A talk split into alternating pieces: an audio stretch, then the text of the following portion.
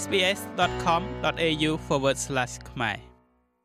មាសឬក៏ White Gold គឺជាចំណងជើងរបស់រឿងសៀកខ្មែរដែលបានមកសម្ដែងនៅទិវា Sydney Festival 2024ក្នុងប្រទេសអូស្ត្រាលី កាលពីពេលថ្មីៗកន្លងទៅនេះតើមាសមានន័យដូចម្ដេចហើយក្រុមសម្ដែងទាំងនេះជានរណា ជាដំបូងនោះសូមអញ្ជើញប្រិយមិត្តរបស់ SBS ខ្មែរជួបជាមួយនឹងលោកហួតតារាដែលជាអគ្គនាយកសហគ្រាសសង្គមហ្វានិងជាអ្នកគ្រប់គ្រងការសម្ដែងនេះដូចតទៅបាទជំរាបសួរបងខ្ញុំបាទឈ្មោះហួតតារាខ្ញុំគឺជាអគ្គនាយកនៃសហគ្រាសសង្គមហ្វាសហគ្រាសសង្គមហ្វានោះមានន័យថាជាក្រុមហ៊ុនឯកជនប៉ុន្តែ ម្ចាស់ភាគហ៊ុនធំគឺសមាគមហ្វាពន្ធលើសិល្បៈនៅខេត្តបាត់ដំបងថាវិការដែលយើងរកចូលបានគឺដើម្បីប្រាក់ខែល្អជូនសិល្បករចំណូលល្អជូនសិល្បករដើម្បីគាត់មានអាជីពជាសិល្បករសិល្បករនេះ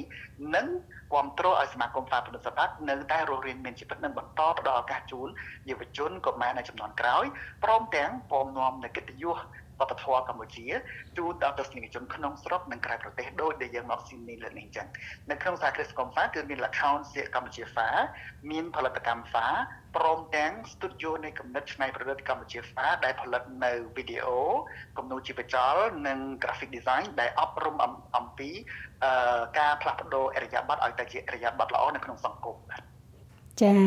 សូមអរគុណច្រើនលោកតារាចាឃើញថាក្បោះក្បាយមែនតែនហើយនៅក្នុងឱកាសដែលលោកនាំក្រុមសិល្បករមកសម្ដែងនៅក្នុងប្រទេសអូស្ត្រាលី នៅក្នុងទិវា Sydney Festival លើកនេះឃើញថាលោកបាននាំក្រុមមកសម្ដែងនៅរឿងល្ខោនសៀកមួយ ដែលមានចំណងជើងថាមាសសចាស់តើលោកអាចជួយជម្រាបបន្តិចបានទេពីចំណុចពិសេសនៃ រឿងនេះឃើញថាគ្រាន់តែចំណងជើងនឹងយើងចាប់អារម្មណ៍បាត់ហើយថាមាសសតើអ្វីទៅជាមាសសសំដៅទៅលើអ្វីហើយមានអត្ថន័យដូចម្ដេចលោកចាស់បាទបងបាទចឹងខ្ញុំសូមជម្រាបអំពីរបៀបនៃការបង្កើតភាពភាពច្នៃប្រឌិតនៅក្នុងប្រព័ន្ធរបស់ហ្វាអញ្ចឹងពេលដែលយើងចាប់ផ្ដើមចង់បង្កើតសម្ភារថ្មីមួយ យើងអត់យើងចាប់ផ្ដើមពីក្រដាសសអត់មានគំនិតអីនៅឡើយទេប៉ុន្តែយើងចាប់ផ្ដើមដោយប្រមូលក្រុមសិល្បកររួមគ្នា និងសួរយោបល់គាត់ថាតើអ្នកចង់ចាប់យកចំណុចនៃស្ថានភាពសង្គមប្រវត្តិឬក៏ស្ថានភាពជីវិតផ្ទាល់ខ្លួនណាមួយ ដែលចង់ឲ្យចេញជាសាច់រឿងនៅលើឆាកដូច្នេះសិល្បកររបស់យើងគាត់ត្រឡប់មកជាមួយនឹងព័ត៌មានត្រឡប់មកវិញថាគាត់ចង់និយាយអំពីភាពសម្បូរបែបនៃសេដ្ឋកិច្ចនៃចំណូល របស់ប្រជាជនកម្ពុជាបច្ចុប្បន្នប្រៀបធៀបជាមួយនឹងប្រវត្តិដ៏ជូរចត់របស់ពួកយើងនៅឆ្លងកាត់សង្គ្រាមនិងកុមារភាពរបស់ពួកយើងដែលកើតក្រោយសង្គ្រាមនោះដែលមានការលំបាកមែនទែនក្នុងជីវភាពរស់នៅប្រចាំថ្ងៃប៉ុន្តែផ្ទុយពីនោះការដែលសម្បូរបែបនោះវាធ្វើឲ្យយើងភ្លេចភ្លាំងនៅការដែលយើងខ្វះខាតនិងខ្សត់ខ្សត់ខ្សោយពីមុនមកដូច្នេះ នៃពិភាក្សាគ្នាចុះឡើងចុះឡើងចុះឡើងក៏យើងចេញមកនៅប្រធានបទដែលតកតងនឹងអង្គការពិតនៅពេលដែលយើងធ្វើការទៅលើវាយើងមិនទាន់មានចំណងជើងនៅទេមាសនេះគឺមកពេលក្រោយយើងគ្រាន់តែដឹងថាយើងចង់ធ្វើការពាក់ព័ន្ធនឹងបង្ហាញនៅអង្គដែលជាតំណាងមួយដ៏សំខាន់នៃចំណូលឬក៏សេដ្ឋកិច្ចឬក៏ជាលុយប៉ុន្តែយើងអត់ទាន់នឹកឃើញដល់ពាក្យថាមាសនោះទេ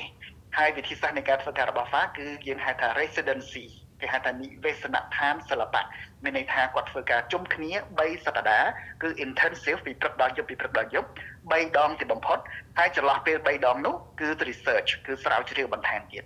រហូតដល់ភេវៈចុងក្រោយ បានមានអ្នកបង្កើតនៅ scenography នៅឆាកនៅនៅឧបករណ៍ទាំង lain និងឧបករណ៍និង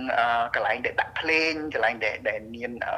ដាក់តុបតែងអ្វីនៅកន្លែងណាហើយនឹងអ្នកភ្លេងចូលមកបង្កើតសាច់ភ្លេងជូនបានមានអ្នកវីដេអូមកថតនៅ trailer បានពេលនោះ មានការពិភាក្សាបន្តជំក្រោយទៀតតើសាច់រឿងរបស់យើងនឹងគឺចំណងជើងអ្វីវណ្ណកម្មរបស់យើងចំណងជើងអ្វីរហូតដល់អ្នកធ្វើវីដេអូនោះគាត់នឹកឃើញពាក្យថាមាសសនេះបើថាអូត្រូវឲ្យពាក្យថាមាសសនេះគឺត្រូវមែនតើព្រោះនៅក្នុងវប្បធម៌កម្ពុជាអង្គបាយស្រូវគឺជាទ្រព្យសម្បត្តិដ៏សំខាន់មែនតើអឺពេលដែលយើងសួរគ្នាថាអឺ breakfast or lunch or dinner យើងអត់មានពាក្យនោះទេយើងមានថាញ៉ាំបាយនៅបាទដូច្នេះវាគឺជារបស់ដែលមានតម្លៃមែនទែនដែលយើងចាត់ទុកថាជាមាសនៅក្នុងវប្បធម៌របស់កម្ពុជាហើយកម្ពុជាគឺជាប្រទេសដែលផលិតនៅអង្គដែលមានគុណភាពខ្ពស់ ល្បីជាប់លេខ1លើពិភពលោកច្រើនឆ្នាំហើយនាំចេញច្រើនមែនតើអញ្ចឹងយើងគិតថាប្រធានបទនេះគឺពិតជាល្អអស្ចារ្យនិងឈ្មោះនេះគឺត្រូវមែនតើហើយពិតជាត្រឹមត្រូវព្រោះ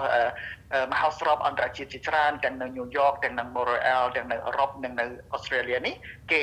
គេចង់ឲ្យយើងបង្ហាញនៅវប្បធម៌របស់យើងឆ្លងកាត់មីសនោះហើយវណ្ណកម្មមីសនោះនៅលើឆាកដូចជាលើកនេះចឹងបងចា ចាសូមអរគុណចាលោកតារាហើយមួយទៀតចង់ដឹងថាក្រុមសម្ដែងលើកហ្នឹងមានប្រមាណអ្នកដែរហើយពួកគាត់សុទ្ធតែជាខ្មែរយើងទាំងអស់មកពីប្រទេសកម្ពុជាជុំគ្នាឬក៏មានអឺសិល្បករទាំងអស់សុទ្ធតែអ្នកខេត្តបាត់ដំបងគាត់មកសម្ដែងនៅសៀមរាបមួយខែ9ទៅ10ថ្ងៃអាហ្នឹងគឺសម្ដែងប្រចាំរៀងរាល់ខែតែម្ដងដែលមានចំណូលជាប្រចាំយ៉ាងហៅថាឆ្នាំងបាយបងគឺអង្គច្រកឆ្នាំងគឺអាហ្នឹងគឺជាមូលដ្ឋានគ្រឹះ បន្ទាប់មកយើងមានការសម្ដែងជាច្រើននៅតាមសន្តាគារនៅ gala dinner នៅតាមប្រាសាទបុរាណរបស់យើងដែលគាត់មានចំណូលបន្ថែមក្រៅពីនោះទៀតគឺគាត់ចេញសម្ដែងក្រៅប្រទេសដូចជាលើកនេះអញ្ចឹងអញ្ចឹងទាំងអស់គ្នាគឺរួមទាំងសិល្បករនិងអ្នកដែលមកសម្រាប់សម្រួលនឹងដឹកនាំនិងអ្នកបច្ចេកទេសភ្លើងនិងសម្លេងទាំងអស់គឺយុវជនយុវនារីកម្ពុជា5 16រូបចូលអញ្ជើញមកនៅទីនេះហើយមកដល់នេះគឺយើងទទួលការស្វាគមន៍និង ក៏ក្តៅមែនទែនពីក្រុមការងារ Sydney Festival គេពិតជាឲ្យតម្លៃយើងខ្ពស់និងស្រឡាញ់នៅអ្វីដែលយើងធ្វើព្រមទាំងសហគមន៍ខ្មែរនៅរដ្ឋ New South Wales នេះគាត់មានការស្វាគមន៍ខ្ពស់មែនទែនជាមួយពួកយើងយើងសូមថ្លែងអំណរគុណមែនទែននៅភាពកក់ក្ដៅនិងនិងភាពត្រភាពការស្រឡាញ់ភាពជាបងប្អូននិងសាមគ្គីភាពរបស់យើងបាទ ចាសសូមអរគុណលោកហួតតារាហើយជាបន្តទៅនេះសូមជួបជាមួយនឹងលោកហ៊ួនប៊ុនធឿនដែលជាលោកគ្រូបង្វឹកសៀកជាអ្នកដឹកនាំសិល្បករនិងជាអ្នកដឹកនាំរឿងនេះផងដែរចាសសូមជម្រាបសួរលោកគ្រូចាសបាទអរគុណច្រើនជម្រាបសួរបងបាទខ្ញុំបាទឈ្មោះហ៊ុនប៊ុនធឿនខ្ញុំជាគ្រូបង្រៀនសៀកនៅសមាគមហ្វាពន្លឺសិល្បៈហើយជាអ្នកដឹកនាំរឿងដែរបាទកាលពីក្មេងឡើយគឺខ្ញុំកើតនៅជំរំសៃធូ ហើយខ្ញុំរស់នៅពេលដែលខ្ញុំកាត់មកហ្នឹងគឺខ្ញុំរស់នៅជាមួយម៉ាយាយខ្ញុំអត់បានស្គាល់ម្ដាយបង្កើតរបស់ខ្ញុំទេហើយពុកផុសខ្ញុំប៉ាផុសខ្ញុំហ្នឹងគឺគឺគាត់បានទៅធ្វើការនៅឯស្រុកថៃហើយពេលគាត់ទៅធ្វើការនៅស្រុកថៃនោះគឺគាត់អត់មានប៉ាសពតអត់មានអីត្រឹមត្រូវទេអញ្ចឹងពេលដែលគាត់ទៅធ្វើការនៅលើទូកគាត់ធ្វើជានេសាទនៅលើទូកហើយបន្ទាប់មកគេបានតរួតបានចាប់គាត់ហើយគាត់ជាប់នៅក្នុងឃុំឃាំងឃុំឃាំង ហើយខ្ញុំរស់នៅជាមួយម៉ាយាយតាំងពីតូចមកហើយបន្ទាប់មកខ្ញុំបានចេញពីពីជាដែនថៃសរមឆៃធូខ្ញុំបានវិលមកឯខេត្តបាត់ដំបងមកបាត់ដំបងវិញហើយខ្ញុំក៏នៅរស់មួយជាមួយម៉ាយាយដូចគ្នាហើយខ្ញុំអត់បានទៅរៀនសូត្រអីដូចជាក្មេងដតីទេពីព្រោះជីវភាពគ្រួសាររបស់ខ្ញុំ វាលំបាកមែនទែនហើយរាល់ពេលពេលដែលខ្ញុំធំឡើងអាយុខ្ញុំត្រឹម7 8ឆ្នាំគឺខ្ញុំចាប់ដើមដើររើអេបចាយដើររើទំលងបេះបេះទំលងបេះជីទំលងហើយនឹងបេះផ្លែអូលឹកហើយរោកំប៉ុងអេបចាយហើយនឹងមហូបតាមរោងការតាមរោងការតាមប៉ុនតាមអីអញ្ចឹងណាខ្ញុំពេលដែលខ្ញុំចូល ទៅទៅក្នុងហ្វាហ្នឹងគឺខ្ញុំដឹងពីបងប្រុសខ្ញុំបងប្រុសខ្ញុំឈ្មោះហូនសុភ័ក្រដែលគាត់ជាពីកាលភាពគាត់គោថ្លង់ហ្នឹងគាត់បានទៅហ្វាទៅសាលាហ្វាពន្លឺសិល្បៈនៅខេត្តបាត់ដំបងហ្នឹងគាត់បានចូលទៅរៀនឃើញគាត់ធ្វើកមិចកម្មាមគាត់ធ្វើកាយវិការឲ្យខ្ញុំមកហ្នឹងគាត់ថាឲ្យខ្ញុំហ្នឹងទៅក្នុងហ្វាហ្នឹងដែរដើម្បីឲ្យសบายមានក្មេងៗច្រើននៅក្នុងហ្វានៅក្នុងអីហ្នឹងនៅក្នុងសាលារៀនហ្នឹងហើយខ្ញុំក៏អត់អត់អត់អត់អត់អត់បានទៅអត់ជឿគាត់ទេ ខ្ញុំគិតថាបើខ្ញុំជាខ្ញុំទៅហ្នឹងខ្ញុំអត់បានឬដំឡូងឬអីដើម្បីឲ្យម៉ាយាយខ្ញុំដើម្បីគាត់យកទៅស្លាស្ងោលក់ហើយនឹងធ្វើឆឹងធ្វើអីចឹងណាដោយសារបើសិនជាខ្ញុំអត់មានអាដំឡូងហ្នឹងទេគឺអត់មានលុយអត់មានអីដើម្បីទិញកទិញអីហូបទេអឺតពេលតមកទៀតគាត់ទៅម្ដងហើយម្ដងទៀតគាត់ប្រាប់ខ្ញុំ3ដង3ដងខ្ញុំក៏សម្រេចចិត្តទៅជាមួយគាត់អាចុងក្រោយលើកទីចុងក្រោយទី3ហ្នឹងគឺគាត់មានម៉ាត់យេមានគាត់មានផាត់មុខផាត់អីជាកំ pl ែងអញ្ចឹងទៅខ្ញុំឃើញហើយគាត់លោតឲ្យខ្ញុំដូចស្វាអញ្ចឹងគាត់លោតបកជែកបកអីអញ្ចឹងណាតពេលខ្ញុំឃើញ អោះខ្ញុំចង់ចូលរៀនខ្ញុំចង់ទៅទៅទៅសាលាស្គាល់ហើយខ្ញុំចង់រៀនអញ្ចឹងដែរតពេលខ្ញុំទៅដល់ខ្ញុំបានឃើញក្មេងច្រើននៅក្នុងសាលាហ្វាពន្លឺសិល្បៈហ្នឹងខ្ញុំឃើញគេមានគេលេងគ្រប់សកម្មសកម្មភាព មានតាំងពីលេងតាត់បាល់បាល់ផ្ទះមានតាំងពីលេងដូចទាញប្រាត់ទាញអីគេមានរំលបាំគេមានធ្វើស្អីគ្រប់បែបយ៉ាងអញ្ចឹងខ្ញុំក៏ក៏នៅឃើញថាអូខ្ញុំចង់ទៅទៅទៅនឹងដែរហើយមួយទៀតជាពិសេសនោះខ្ញុំឃើញគេចែកនំពេលដែលចប់គឺចែកនំចែកនំអា ការហ្នឹងគឺចែកនំចកើសអានំចកើសនំ ABC នំអីហ្នឹងណានំកន្ទក់នំអីហ្នឹងតែពេលហើយខ្ញុំនៅឃើញថាអខ្ញុំនឹងចង់ទៅបាទអញ្ចឹងខ្ញុំទៅកន្លែងខ្ញុំទៅហ្វា3ដងខ្ញុំទៅសាលាហ្វាហ្នឹង3ដង3ដងខ្ញុំទៅចាំតាំងពីព្រឹកខ្ញុំទៅហើយខ្ញុំអត់ហ៊ានសួរទៅគេថាខ្ញុំចូលបានអត់ទេតើពេលហើយខ្ញុំបានចូលទៅមើលសាលាសៀកសាលាសៀកពេលហ្នឹងគឺរៀបជាតង់អាស័យជារៀបជា គ្រឿងគ្រឿងអាស័យហើយប្រក់កស៊ូប្រក់សពុតកស៊ូពើខៀវហើយនៅខាងក្រោមហ្នឹងជាអាចអាណាអាចអាណាហើយខ្ញុំឃើញក្មេងៗលោតហើយខ្ញុំឃើញលោកគ្រូដេតលោកគ្រូខួនដេតដែលគាត់ជាលោកគ្រូបង្វឹកផ្តល់នៅទីហ្នឹងខ្ញុំឃើញគាត់ប្រហាត់សិស្សឃើញលោតឃើញអីចឹងទៅខ្ញុំក៏ចង់ចង់រៀនរយៈពេល3ថ្ងៃខ្ញុំទៅហើយខ្ញុំបានដាច់ចិត្តសុំលោកគ្រូសុំលោកគ្រូខុនដេតថាលោកគ្រូខ្ញុំអាចចូលរៀនបានទេចូលហាត់សៀកបានទេបន្ទាប់មកលោកគ្រូថាអូខេចូលបានអញ្ចឹងទៅខ្ញុំក៏ចូលហាត់រហូតដល់ពេលហ្នឹង ហើយនេះជាប្រវត្តិមួយដ៏ជូរចត់វាមានច្រើនទៀតខ្ញុំគ្រាន់តែនិយាយកាត់កាត់ហើយខ្ញុំបានអរគុណសមាគមហ្វាពលឺសិល្បៈខ្លាំងបំផុតបើសិនជាអត់មានសាលាហ្វាពលឺសិល្បៈបង្កើតនៅទីតាំងភូមិចានគុំអូចានអូចានហ្នឹងទេគឺមិនដឹងថាខ្ញុំហើយនឹងក្មេងៗដទៃទៀតមិនដឹងទៅជាយ៉ាងណាទេអញ្ចឹងពួកចំនួននោះពេលនោះគឺអឺ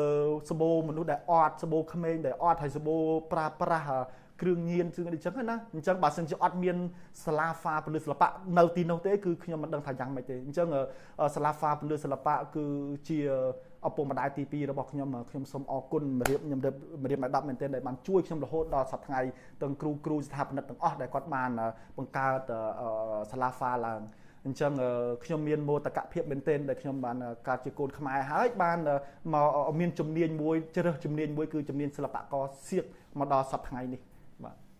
ចាស់ហើយនៅចុងក្រោយនេះគឺជាអ្នកស្រីឌៀបដានិត ដែលជាសិល្បករនីសម្ដែងភ្លេងបុរាណខ្មែរនៅក្នុងរឿងមាសសនេះចាស់ចង់ដឹងថាតើអ្នកស្រីមានប្រវត្តិបែបណាហើយជំនះនៅឧបសគ្គអ្វីខ្លះនោះសូមជួបជាមួយនឹងអ្នកស្រីដូចតទៅជំរាបសួរនាងខ្ញុំឈ្មោះឌៀបដានិតអាយុ32ឆ្នាំហើយនាងខ្ញុំគឺជាសិល្បករផ្នែកភ្លេងនៅក្នុងក្រុមវិសល ចាតាអ្នកស្រីលេងឧបករណ៍តន្ត្រីអ្វីដែរនៅក្នុងការសម្ដែងហ្នឹងខ្ញុំលេងរនៀតខំហើយនឹងប៉ិនបងគឺដំបូងដោយសារតែខ្ញុំរៀននៅអនុវិទ្យាល័យនៅសាលាហ្វាប្រទេសចឹងទៅនៅស្មាគាត់មានផ្នែកសិល្បៈជាច្រើនដូចជាគំនូសៀករបាំភ្លេងទៅពេលចឹងទៅខ្ញុំចាប់អារម្មណ៍ផ្នែកខាងភ្លេងហើយមានការជំរុញទឹកចិត្តពីម្ដាយរបស់ខ្ញុំ អត់ចង់ឲ្យខ្ញុំរៀនសិល្បៈចាអ្នកស្រីអាចរៀបរាប់ពីការងាររបស់អ្នកស្រីដែលធ្វើការជាមួយនឹងក្រុមសៀកនេះបន្តិចទេថាបើប្រៀបធៀបទៅនឹងមិត្តភ័ក្តិដតីទៀតដែលគាត់ធំធាត់ជាមួយគ្នាហើយគាត់ទៅជ្រើសរើសធ្វើការងារផ្សេងតើខុសគ្នាយ៉ាងដូចម្តេចខ្លះចា៎អឺសម្រាប់ការងារសិល្បៈខ្ញុំធ្វើការសិល្បៈរយៈពេលជាង10ឆ្នាំមានអារម្មណ៍ថាវាមានរសជាតិប្លែក ពីជីវិតធម្មតាដូចអ្នកធ្វើការទូទៅយើងមានសបាយមានទីចិត្តយើងភ្លក់រសជាតិច្រើនយើងបានធ្វើការងារជាក្រុមមានយេរួមយើងស្គាល់រសជាតិច្រើនប្លែកហើយសិល្បៈវាមិនជាការងារទូទៅរបស់ប្រជាជនកម្ពុជាទេវាជាផ្នែកមួយដែលសារតែប្រជាជនយើងវាមានកម្រិតក្នុងការអប់រំដូចនៅសាលាយើងអត់មានផ្នែកតន្ត្រីចូលក្នុងសាលារដ្ឋទេ ចឹងទៅវាបើសិនជាសម្រាប់ខ្ញុំខ្ញុំអត់ដូចជាអត់មានឧបសគ្គអីបងដោយសារតែក្រុមគ្រួសារខ្ញុំគឺទាំងម្ដាយឪពុកទាំងស្វាមីទាំងអីគាត់លើកទឹកចិត្តខ្លាំងខាងស្ទើរខេត្តសិល្បៈនេះបងចាអឺតាមដឹងគឺអ្នកស្រីធ្លាប់ទៅសម្ដែងនៅជុំវិញពិភពលោកហើយការចេញទៅសម្ដែងហ្នឹងគឺជាការងារដ៏រំភើបមួយហើយវាក៏ផ្ដល់ឱកាសឲ្យអ្នកស្រីរកប្រាក់ចំណេញបានច្រើនគួរសមជាមួយនឹងអង្គការមិនអញ្ចឹងណោះ ចាតើប្រាក់កម្រៃទាំងហ្នឹងអាចជួយសម្រាលបន្ទុកគ្រួសាររបស់អ្នកស្រីបានកម្រិតណាដែរចាអូយមកផ្នែកធំហ្មងបងព្រោះប្រាក់ចំណូលនេះគឺអឺសម្រាប់ជាជនកម្ពុជាគឺល្អបំផុតព្រោះអីយើងធ្វើការអឺយកមានសម្ពាធសម្រាប់ខ្ញុំគឺការងារនេះអត់មានសម្ពាធសម្រាប់ខ្ញុំទេវាសុបាយដូចយើងសម្រាប់ប្រជាជនខ្មែរគឺភាគច្រើនយើងអត់សូវមានសមត្ថភាពសម្រាប់ហោះហើរទៅប្រទេសក្រៅប៉ុន្តែដោយសារតែសិល្បៈនេះ ពលខ្ញុំស្គាល់ពិភពលោកខាងក្រៅទៅសម្ដែងនាំកិត្តិយសជូនប្រទេសកម្ពុជាហើយថាវិការចាចាពិសេសត្រង់ថាដូចបានទៅដើរលេងដើរទៅកំសាន្តហើយបានធ្វើការងារដែលខ្លួនឯងស្រឡាញ់ហើយបានថវិកាទៀត ចូលចំពោះក្រុមគ្រួសារវិញដូចថាបើនិយាយចំថាស្វាមីរបស់អ្នកស្រីមានការជំទាស់ឬក៏គ្រប់គ្រងបែបណាដែរចំពោះការដែលអ្នកស្រីចេញទៅសម្ដែងនៅក្រៅប្រទេសអញ្ចឹងចាសម្រាប់គាត់គ្រប់គ្រង100%ព្រោះអីពីមុនគាត់ក៏ជាអ្នកសិល្បៈដែរហ្មងហើយគាត់យល់ច្រើនចាបើនិយាយទៅអាចថាជាសំណាងមួយដែរដែលក្រុមគ្រួសារទាំងមូលមានការគ្រប់គ្រងទាំងអស់គ្នាអញ្ចឹងเนาะចាចាបង ចាហើយអ្នកស្រីមានការងារអ្វីផ្សេងក្រៅពីសិល្បៈនឹងដែរទេដើម្បីទ្រទ្រង់ជីវភាពឬក៏តែសិល្បៈតែមួយមុខទេចាសម្រាប់ខ្ញុំបច្ចុប្បន្នមានតែសិល្បៈមួយមុខបងចាមានការមីមីញឹកខ្លាំងទេក្រៅពីការចេញសម្ដែងនៅបរទេសតើយើងមានការសម្ដែងនៅក្នុងស្រុកយ៉ាងម៉េចដែរចាបងអឺជារៀងរាល់ខែក្រៅពីក្រៅប្រទេសខ្ញុំមានការសម្ដែងនៅក្នុងសង្ឃនៅខាងខេត្តសៀមរាបយើងមានក្រុមហ៊ុន នៅខាងខេត្តសៀមរាបចាអរគុណច្រើនអ្នកស្រីឌៀបដានិតហើយជាចុងក្រោយមានអ្វីជាការផ្ដាំផ្ញើទៅក្មេងស្រីចំនួនក្រោយ ថាដែលគាត់ស្រឡាញ់សិល្បៈចាមានអ្វីជាការផ្ដាំផ្ញើដើម្បីកុំឲ្យគាត់រៀនរែកនៅក្នុងការប្រឡូកក្នុងវិស័យសិល្បៈចាចាដំបូងខ្ញុំអរគុណដល់ខាងទូទៅដែលមកសម្ភាសខ្ញុំហើយនឹងអរគុណដល់ថ្នាក់ដឹកនាំរបស់ខ្ញុំ អឺបាទ the best មែនតើដោយសារតែមានថ្នាក់ដឹកនាំដ៏ល្អបាទខ្ញុំអឺមានឱកាសមកដល់ទីនេះហើយជាចុងក្រោយខ្ញុំសូមតាមផ្ញើទៅស្ត្រីខ្មែរទាំងអស់បើសិនជាចាប់អារម្មណ៍ផ្នែកសិល្បៈគុំចាប់អារម្មណ៍ថា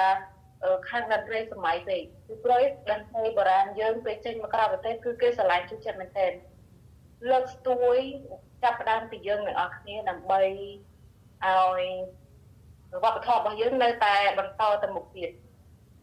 ហើយស៊ូស៊ូទាំងអស់គ្នាដើម្បីខ្មែរអរគុណច្រើនចាចាសូមអរគុណច្រើនសូមជម្រាបលាចាចូលចិត្តអ្វីដែលអ្នកស្ដាប់នេះទេ Subscribe SBS ខ្មែរនៅលើ Podcast Player ដែលលោកអ្នកចូលចិត្ត